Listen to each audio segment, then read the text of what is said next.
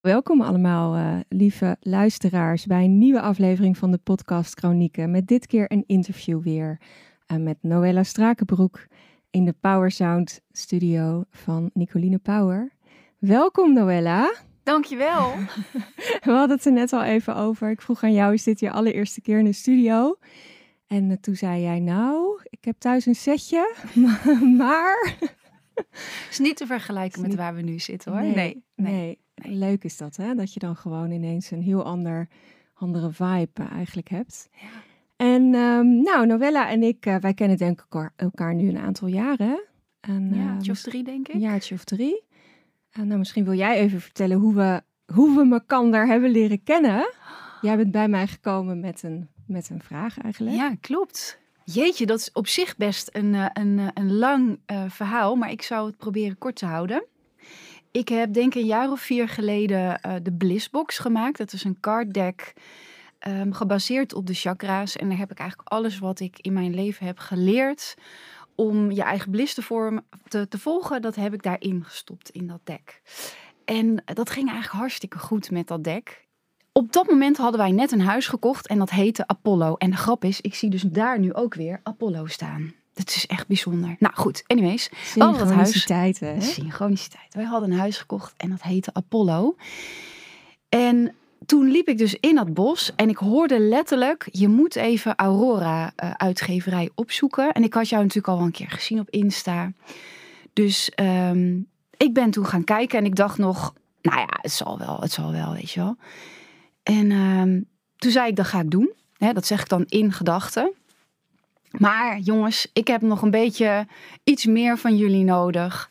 Uh, om echt die stap te zetten om Donata een berichtje te sturen. Want zij geeft boeken uit, hè? geen kartendeks. En, uh, en toen zeiden ze van, nou weet je wat, als je nog twijfelt, kijk dan even naar de ontmoeting van Apollo en Aurora. Dan weet je genoeg. Dus ik meteen naar huis googelen. En wat blijkt is dat Apollo is de um, zonnegod en Aurora is de god van de dageraad. En ja, die hebben elkaar natuurlijk nodig. En ik dacht, ja, ik wil natuurlijk het licht van Bliss verspreiden. En hoe beter dan wij Aurora? En dacht ik, oké, nu ben ik om en ik ga je een berichtje sturen. En ja, uh, van, het een, ja van het een kwam het ander.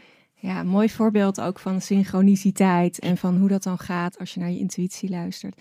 We zijn nu drie jaar verder en um, uh, nou, we zijn natuurlijk allebei achtergekomen dat je kan zoiets in de mind besluiten om dan zeg maar een nieuwe versie te maken en uh, nou ja, nieuwe kaarten erbij te doen, et cetera.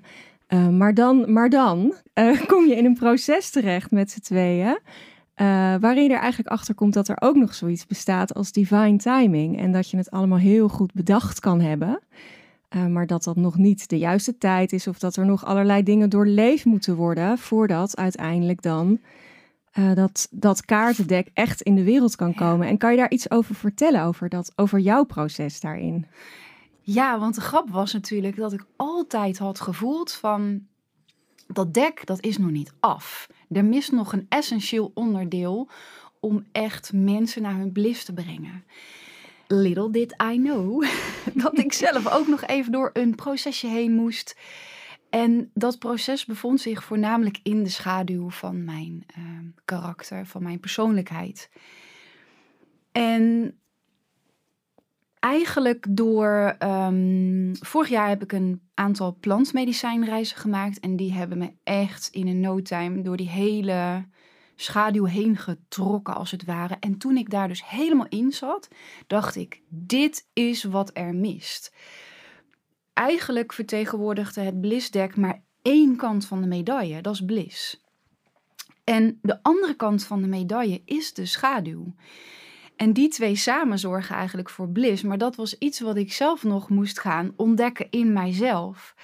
En toen ik daar helemaal in zat en het klinkt nu heel leuk en, en, en lalala, maar dat was het natuurlijk allerminst. Maar toen ik daarin zat, dacht ik echt van, oké, wil ik echt bliss in de wereld gaan zetten, dan zal er schaduw in het dek moeten komen.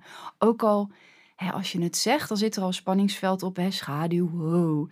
Ook al vinden mensen dat misschien spannend, ik dacht, als ik echt het blisdek recht aan wil doen, dan moet er schaduw in zitten. Dus toen hebben we eigenlijk ook samen besloten van, er moeten schaduwkaarten inkomen. Ja, ja. En wat ik zo mooi vind, en ook weer niet toevallig, is dat jij heet Noella. Noella betekent ook licht. Ja. Uh, dus voor mijn gevoel ben jij hier ook om, om bliss te brengen, om licht te brengen. Uh, en, en ook om mensen nu dus ook te kunnen laten zien van daar heb je schaduw voor nodig eigenlijk. Hè? En kan jij iets vertellen over hoe de relatie tussen licht en schaduw voor jou werkt? Hoe we eigenlijk, is het iets nou ja, wat je wel eens hoort van nou je moet gewoon, hè, je hoort heel vaak van nou je moet gewoon je concentreren op het licht en dan komt alles goed. Uh, maar is dat, doet dat recht aan de schaduw? Dat is eigenlijk mijn vraag. Nou, toen ik dat, dit voor mijzelf aan het onderzoeken was, kwam ik ook de term spiritual bypassing tegen. En ik dacht, ja, dit is dus inderdaad wat er gebeurt. Hè, stel, er gebeurt iets in je leven wat je echt even omver uh, jaagt dan, dan vanuit spirituele kringen wordt er gezegd van hè, um, ga mediteren op liefde en lichten. Maar eigenlijk leg je er dan een laagje overheen. Waardoor dus die donkerte nog dieper in je, in je kern zich kan vestigen. En ja, ik denk dat juist als je er niks overheen legt, maar juist gewoon het donkerte omhoog laat komen, ja, dan gaat het vanzelf eigenlijk naar het licht. En dan heeft het ook wat minder grip op je. Dus ik denk dat het niet zozeer zin heeft om er liefde en licht op te leggen als een deksel. Want dan wordt het eigenlijk een snelkookpan. Um, dus ik wil mensen meer uitnodigen om het juist gewoon te laten zijn zonder dat je er een oordeel over hebt. En wat je ook ziet is natuurlijk, het is um, iets wat in de schaduwkant van jezelf zit vind je vaak ook lastig. Heb je zelf ook heel veel oordeel over. Kijk, natuurlijk zetten we het liefst uh, onze leuke kenmerken uh, op Insta. Hè? Ik ben leuk, ik ben lief, ik ben aardig. En de schaduw is wat minder populair en krijg je ook wat minder likes op. Ja. Maar ik denk, elk oordeel wat je erover hebt, um, doet onrecht aan de kwaliteit van de schaduw. Want er zit ook heel veel kwaliteit in de schaduw. En dat heb ik zelf moeten ontdekken. Hè? Ik bedoel, don't get me wrong. Um, ik dacht er precies zo over. Maar ik heb uiteindelijk ook de kwaliteit van de schaduw kon, kunnen ontdekken. En wat is die kwaliteit voor jou? Kan je dat omschrijven? Nou, waar ik achter ben gekomen, um, is dat bijvoorbeeld boosheid. Hè? Er komen heel veel mensen bij mij voor een, een sessie. En dan gaan we het hebben over de boosheid, die voor mij in energie super voelbaar is. Maar die in expressie bij de mensen, daar hebben ze. Um, oordeel op. Ze mochten bijvoorbeeld vroeger niet boos worden van, uh, van hun ouders. Dus daar zit, daar zit de deksel op eigenlijk. En ik nodig ze dan uit in een sessie om juist die boosheid in zijn volledige essentie helemaal naar boven te laten komen. Zo van, oké, maar het maakt niet uit hoe het eruit ziet. Schreeuw, vloek, tier, beweeg, doe het. En dan merk je eigenlijk als je daar doorheen beweegt hoeveel kracht de boosheid ook heeft. En als je daar dus doorheen beweegt, dan ga je die kracht eigenlijk, ja, hoe zeg je dat? Die, die, die laat je naar boven komen en dan kan je hem inzetten. Ja, dan kan terwijl, je gebruiken. Of eigenlijk, ja. Terwijl als je dat niet doet, dan heeft het eerder grip op je. En dan krijg je ook in je communicatie, zijpelt eigenlijk die boosheid er doorheen. Snap je wat ik bedoel? Ja. Terwijl als je hem doorleeft, krijg je superkrachtige communicatie. Ja, ik snap wat je bedoelt. En heeft dat ook niet, voor mijn gevoel heeft dat ook een beetje te maken met toch dat je het transformeert. Dus dat, je, dat je hem eigenlijk bewust maakt en dat je hem dan in gaat zetten voor iets wat, wat, nou ja, misschien wel positief is, hè, of wat wel um, naar het licht gaat. Dus dat je, dat je het in de ogen kijkt en het transformeert. Wat, wat is transformatie voor jou? Wat betekent dat voor jou?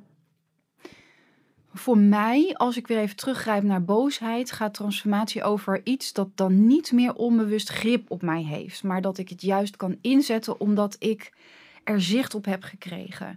Dus dan transformeert eigenlijk die energie. Het heeft geen grip meer op mij, maar ik kan het juist voor het goede gaan inzetten. Ja, en ik denk ook dat als mensen, um, nou ja, als je de, de emotie of de um, de boosheid niet doorleeft, dat het, wat jij ook al zegt, dat het in jezelf gaat slaan. En dat het dan eigenlijk jezelf uh, ten gronde richt. Hè? Dus dat, het, dat het op jezelf eigenlijk negatief gaat uitwerken. Dat je ziek wordt of dat je Ja. op wat voor manier dan ook eh, giftige relatie eigenlijk krijgt met jezelf. Ja, want ik denk dat je woord, de woorden die jij kiest op het moment dat je boosheid nog niet is getransformeerd, bevatten misschien wel die, die boosheid of dat gif zoals Ja, jij noemt. ja. Dus dat, dat, doet, dat doet iets met jouw omgeving. Dat is iets wat jij misschien onbewust hè, uitstraalt in energie. Terwijl als je hem transformeert, dan kan je hem inzetten als je kracht. Dus dan he- heeft het geen grip meer op jou. Ja, ik snap wat je bedoelt. En het Bliss-deck, dat is dus eigenlijk ook een kaartendek wat je helpt om dat te transformeren. Om dus Ja. Eh, de, de, de emoties of de boosheid in dit geval als voorbeeld eh, in de ogen te kijken en om eigenlijk daar dat ten goede te gaan wenden of te, Ja. te gaan gebruiken. Ehm, en kan je iets vertellen over hoe je dat dan concreet doet? Of hoe gebruik jij het deck? Of hoe, hoe, hoe zeg jij dat mensen het moeten gebruiken? Of hoe zouden ze het moeten gebruiken? Of hoe kunnen ze het gebruiken? Mm, ik zelf gebruik het eigenlijk als ik in bepaalde eh, stukken vastloop. Maar je kunt het ook heel goed voor je dagelijkse boodschap, zeg maar, gebruiken. Ehm, als ik weer even terugkijk naar de schaduwkaarten die er nu bij zijn gekomen, die hebben we gekoppeld aan godinnen. Godinnen van de nacht, zullen we maar zeggen. Ja. En daarin zul je zien, als je die kaart trekt, dan zal je in eerste instantie even denken, hoe? Dan word je even getriggerd. En als je jezelf dus toestemming geeft om voorbij dat sch- schok-effect te gaan, kan je dus juist de diepere kwaliteit van die kaart ontdekken in jezelf. En zo is het eigenlijk met iedere kaart. Dus, dus ik leg hem vaak even op mijn altaar neer en dan kijk ik er een dag na en dan ga ik echt mee werken. Plus, we hadden het net al over synchroniciteit. Ik laat het leven ook reageren op de energie van die kaart. Dus meestal trek ik dan situaties aan die de boodschap bevestigen of bekrachtigen in mijn leven. Ja. Heb ik het een beetje goed uitgelegd zo? Ja, het is mij duidelijk. Ja, het is een, gewoon een middel waarmee je eigenlijk, ges- waardoor je gespiegeld wordt. Ja, dus op alle, op alle vlakken. Ja. En waar, waardoor ook de synchroniciteit eigenlijk, door, waar dat doorheen kan werken. Ja. Ja. En, eh, want ik, ik ben altijd heel erg geïntrigeerd. Ik ben even benieuwd hoe jij daarover denkt. Hè? Van, oké, je hebt dus je schaduwkanten en je hebt het licht. En, en het blissdeck, dat, dat gebruik je dan om daarmee te werken. En om dat ook, om dat in jezelf eigenlijk te ontdekken. Ehm, maar er is ook wel eens, ik heb ook wel eens discussies met mensen over eh, van eh, nou, de non-dualiteit, zeg maar. Hè? Dus de uiteindelijke basis van alles. Ehm, wat is de uiteindelijke basis van alles? Hè? Als je door de schaduw heen bent gegaan en door het licht heen bent gegaan, is er dan zo, nog een soort van non- non-duale basis voor jouw gevoel? Hoe zit dat precies? Ja, wat ik daarop voel, hè, dus dan ga ik puur intuïtief even antwoorden. Is dat wij hier op aarde leven natuurlijk in dualiteit. Dus wij spelen het spel van dualiteit. Maar ik denk uiteindelijk in essentie is alles één. Ja, Als ik kijk naar mijn eh, consulten, dat zijn medi mediamieke consulten. Dus dan leg ik echt contact met mensen die zijn overleden.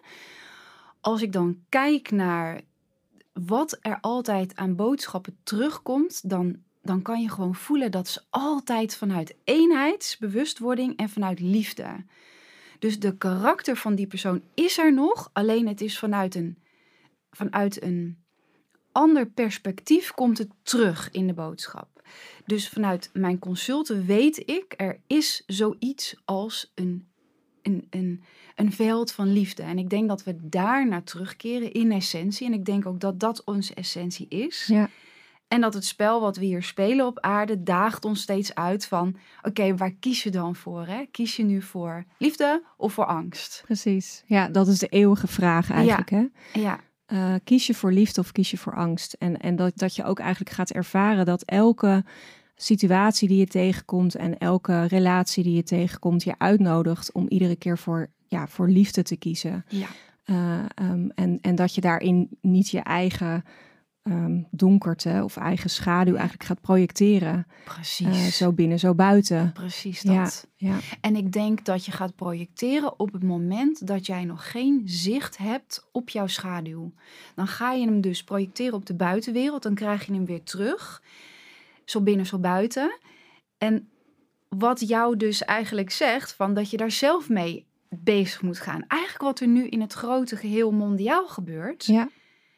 We worden gewoon uitgenodigd om naar onze eigen schaduw te gaan. Hoe makkelijk is het dat je je nu verliest in de schaduw van de buitenwereld? Super makkelijk. Het is alleen maar afleiding.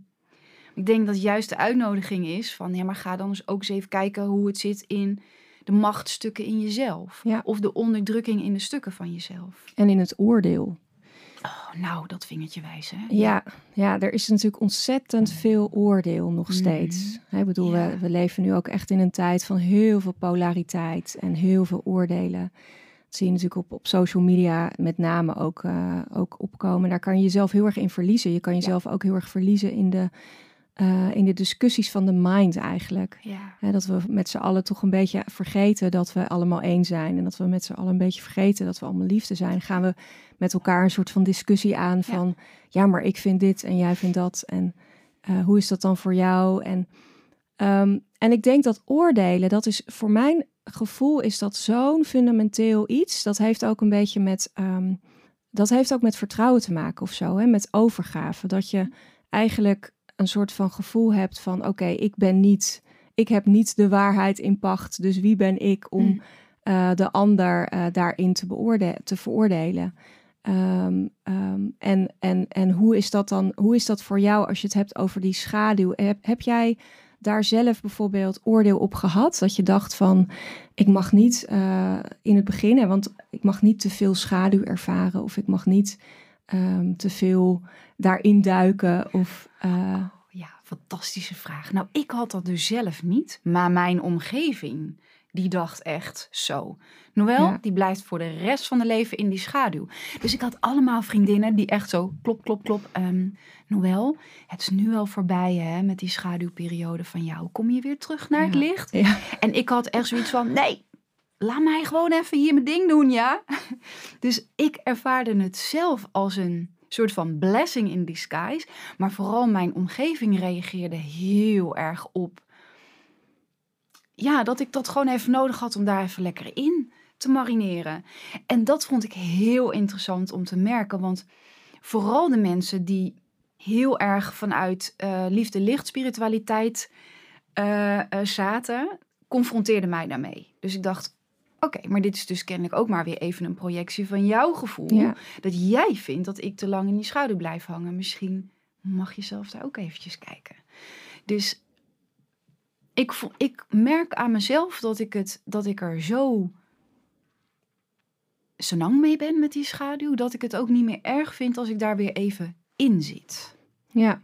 Hoe komt dat, denk je, dat mensen zo... ehm, dat mensen het zo moeilijk vinden om dat in de ogen te kijken? Omdat er zo'n groot oordeel op zit. Wij hebben denk ik geleerd dat boosheid per definitie slecht is. Ik denk dat, ehm, dat dat vooral heel erg ligt in de aard van de opvoeding die je hebt gekregen. Ben je, heb jij geleerd dat je conflict eh, moet vermijden, dat conflict slecht is, dat boosheid slecht is, dat jouw verdriet er niet mocht zijn, dan zijn er dus allemaal dekseltjes op die gevoelens gekomen. Dus daar zit heel veel oordeel op. Ehm, als ik kijk bij mij thuis, waren we niet vies van een conflict en ook niet van stem verheffen. Dat is zeg maar bij mijn eh, man compleet die opposite. Dus hij kijkt mij echt aan als hij geconfronteerd wordt met mijn woede. Dan denkt hij echt, "Eh, dat mag niet.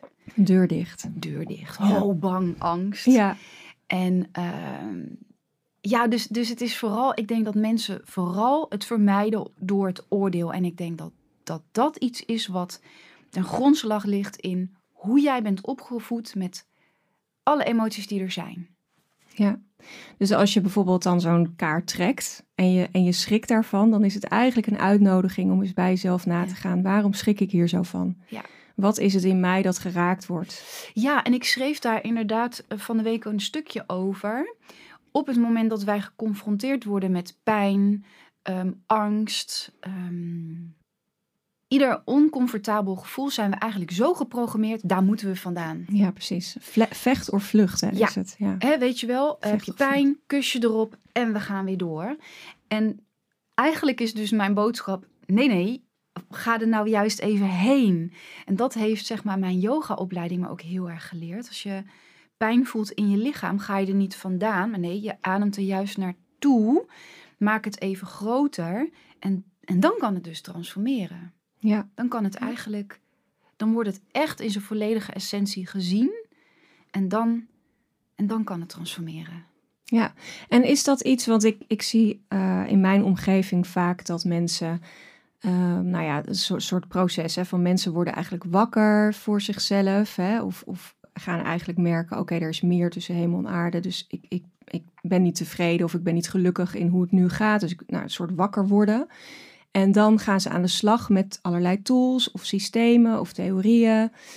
Uh, en dan is eigenlijk een moment dat het, dat het um, nou ja, vat opengemaakt wordt, zeg maar. En dan zitten er heel veel wormen in. En dan is het moment dat ze dus wegrennen. Mm -hmm. dus dus jouw, jouw um, tool of jouw deck zou eigenlijk kunnen helpen om dat in de ogen te kijken. Maar zijn er nog andere tools die, of tips die jij kan geven om het echt te werken met je schaduw? Om echt uh, niet weg te vluchten van je schaduw, om uh, ermee te gaan zitten?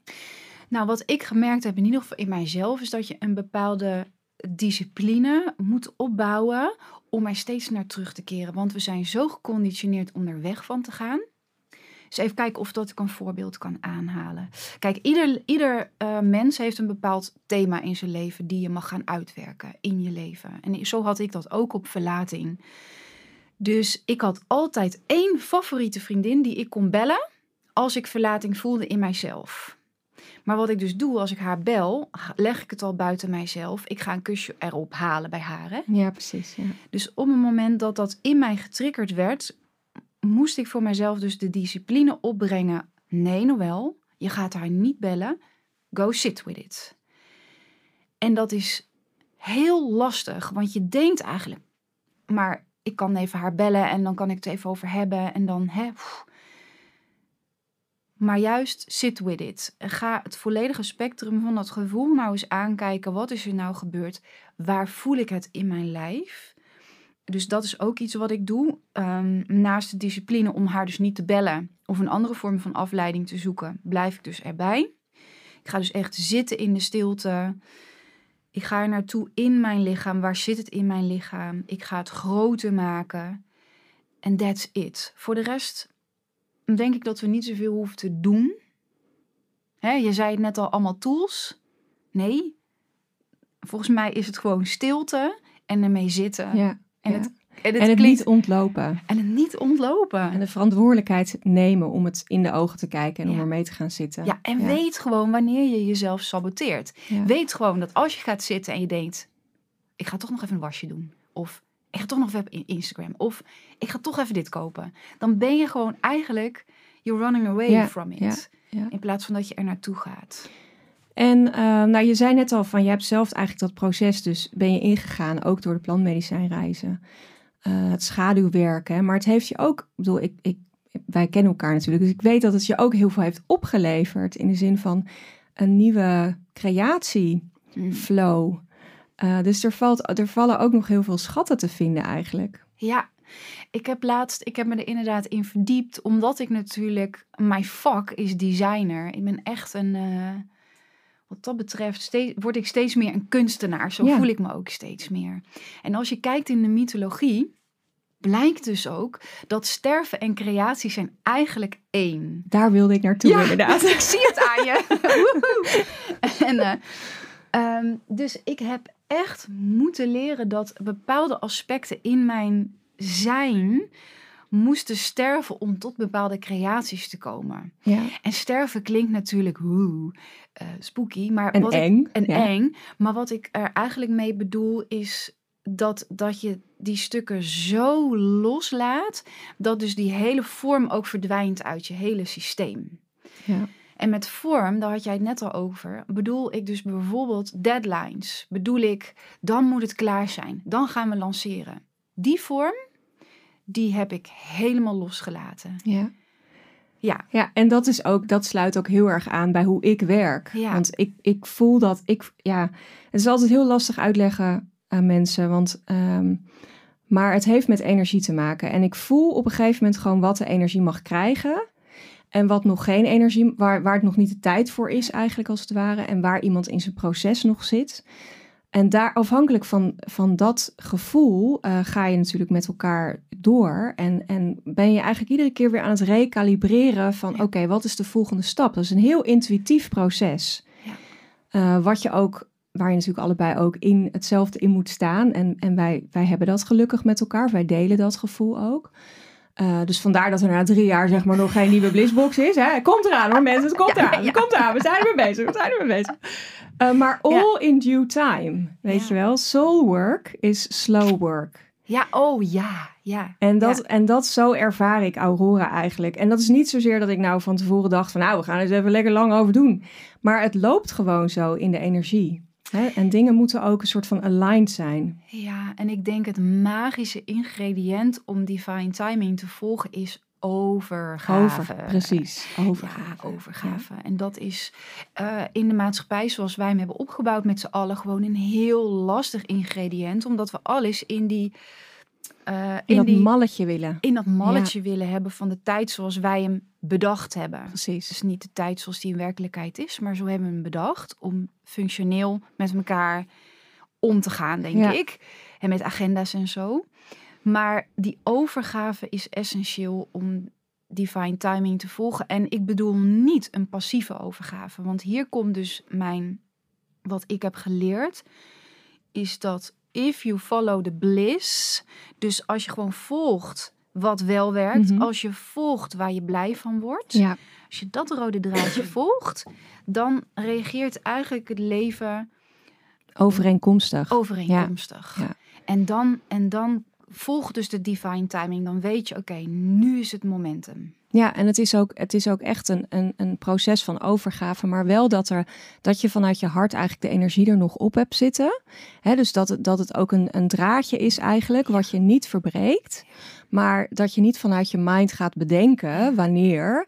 Want ja, je, je komt er gewoon achter dat het, het leven door je heen leeft. Hè? Of het, het mag, iets mag geboren worden, eigenlijk als het ware dat vind ik ook heel mooi wat je zegt. En ik heb zelf ook best wel heftige lessen gehad in divine timing. En als je bijvoorbeeld ook kijkt op Instagram, hè, dan heb je natuurlijk de, uh, de law of attraction, de law of manifestation. En ik zou bijna al willen zeggen bla bla bla.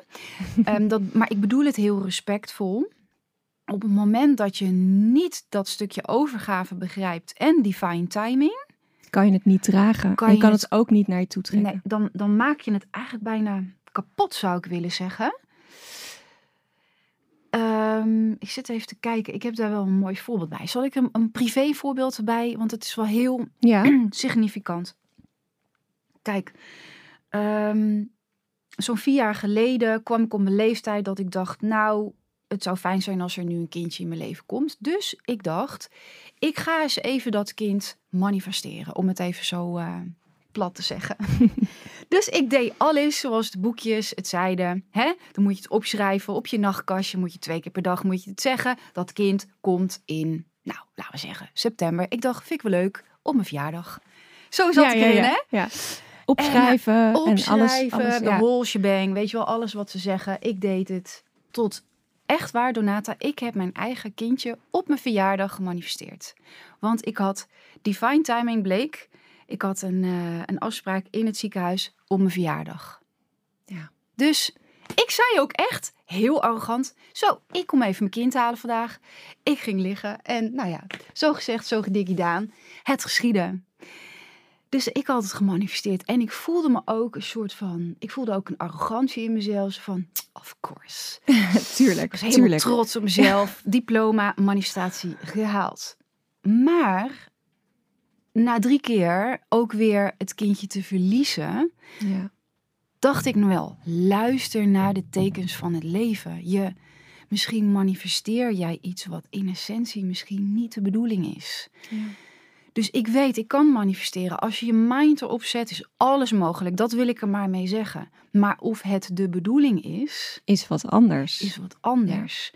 En dat ehm, kon ik alleen ervaren als ik me echt in iedere feest van mijn leven, van mijn, van mijn lichaam, van alles, me zou gaan overgeven aan wat het leven dan wel in petto heeft voor mij. Ja, laat het me maar zien. Ook ja, al dat is het ook. Hè? Weet ik het niet. Ook al tast ik volledig in het duister in dit onderwerp. Ik geef me eraan over. Ja. Dus daarmee wil ik maar zeggen, je kunt met je mind volledig manifesteren en dat gaat volledig tegen de levensstroom in. Ja. ja, en dat is ook, vind ik, vind ik zelf ook een heel interessant thema. Omdat je, de mind is zo sterk. En ik heb natuurlijk ook een plantmedicijn uh, reis meegemaakt. Dus ik heb ook ervaren in die reis hoe sterk de mind is. Uh, die is zo sterk, die kan echt heel erg veel manifesteren. Uh, wilskracht, hè? dat is een ontzettende, nou ja, powervolle uh, iets. Alleen als het niet aligned is met je hart, dan kun je bij wijze van spreken beroemd zijn, uh, bekend zijn, uh, rijk zijn, whatever. Maar dan gaat het niet, dan ben je niet gelukkig. Hè? Dus, het, dus er, is, er zijn zoveel lagen eigenlijk die, um, die allemaal met elkaar communiceren. Uh, dat het belangrijk is dat je ook al die lagen hebt aangekeken. Ja. Ja. En dat je die hebt doorleefd. Voordat je het totale plaatje eigenlijk kan belichamen. Ja, ja mooi voorbeeld. En als je nu um, als je nu terugkijkt daar, want ik, um, nou ja, ik weet van jou dat je, je had een kinderwens. Is dat iets waar je nu, waar je nu achteraf kan zien van ja, ik, ik begrijp het grote plaatje of ik, ik zie het grote plaatje? Ja, het was echt wel een soort van. Ik denk als ik het moet vatten in een percentage, denk ik dat ik het voor 90% uh, begrijp en ook echt voel in mijn hele ziel, zeg maar. En voor 10% zit er nog gewoon versluiering in verband met verdriet en andere verwachtingen van het leven, zeker als vrouw. Maar ik kan wel zeggen dat de cirkel van dit verhaal rond is. Ja. Maar het heeft me echt wel uh, ja, vette Dark Night of the Soul uh, was het voor mij. Ja. Zeker omdat natuurlijk de buitenwereld in, in het vrouw zijn iets anders weerspiegelt. Dus dat was zo pijnlijk daaraan. Ja, ja want je zegt net verwachtingen. Ja. Dat is ook echt een, een motherfucker, hè? om echt? dat maar even zo te ja. zeggen. Ja. Dat verwachtingen. Want we hebben, we hebben heel veel verwachtingen. Dat, dat, we, we hebben niet alleen verwachtingen voor onszelf en, en wat wij dan bedenken. Ja. Uh, of verwachten onbewust hè, van bepaalde situaties. Maar dan hebben we ook nog te maken met de buitenwereld die ook nog van alles verwacht. Zo. Um, dus wij worden als het ware ook daarin heel erg gestuurd.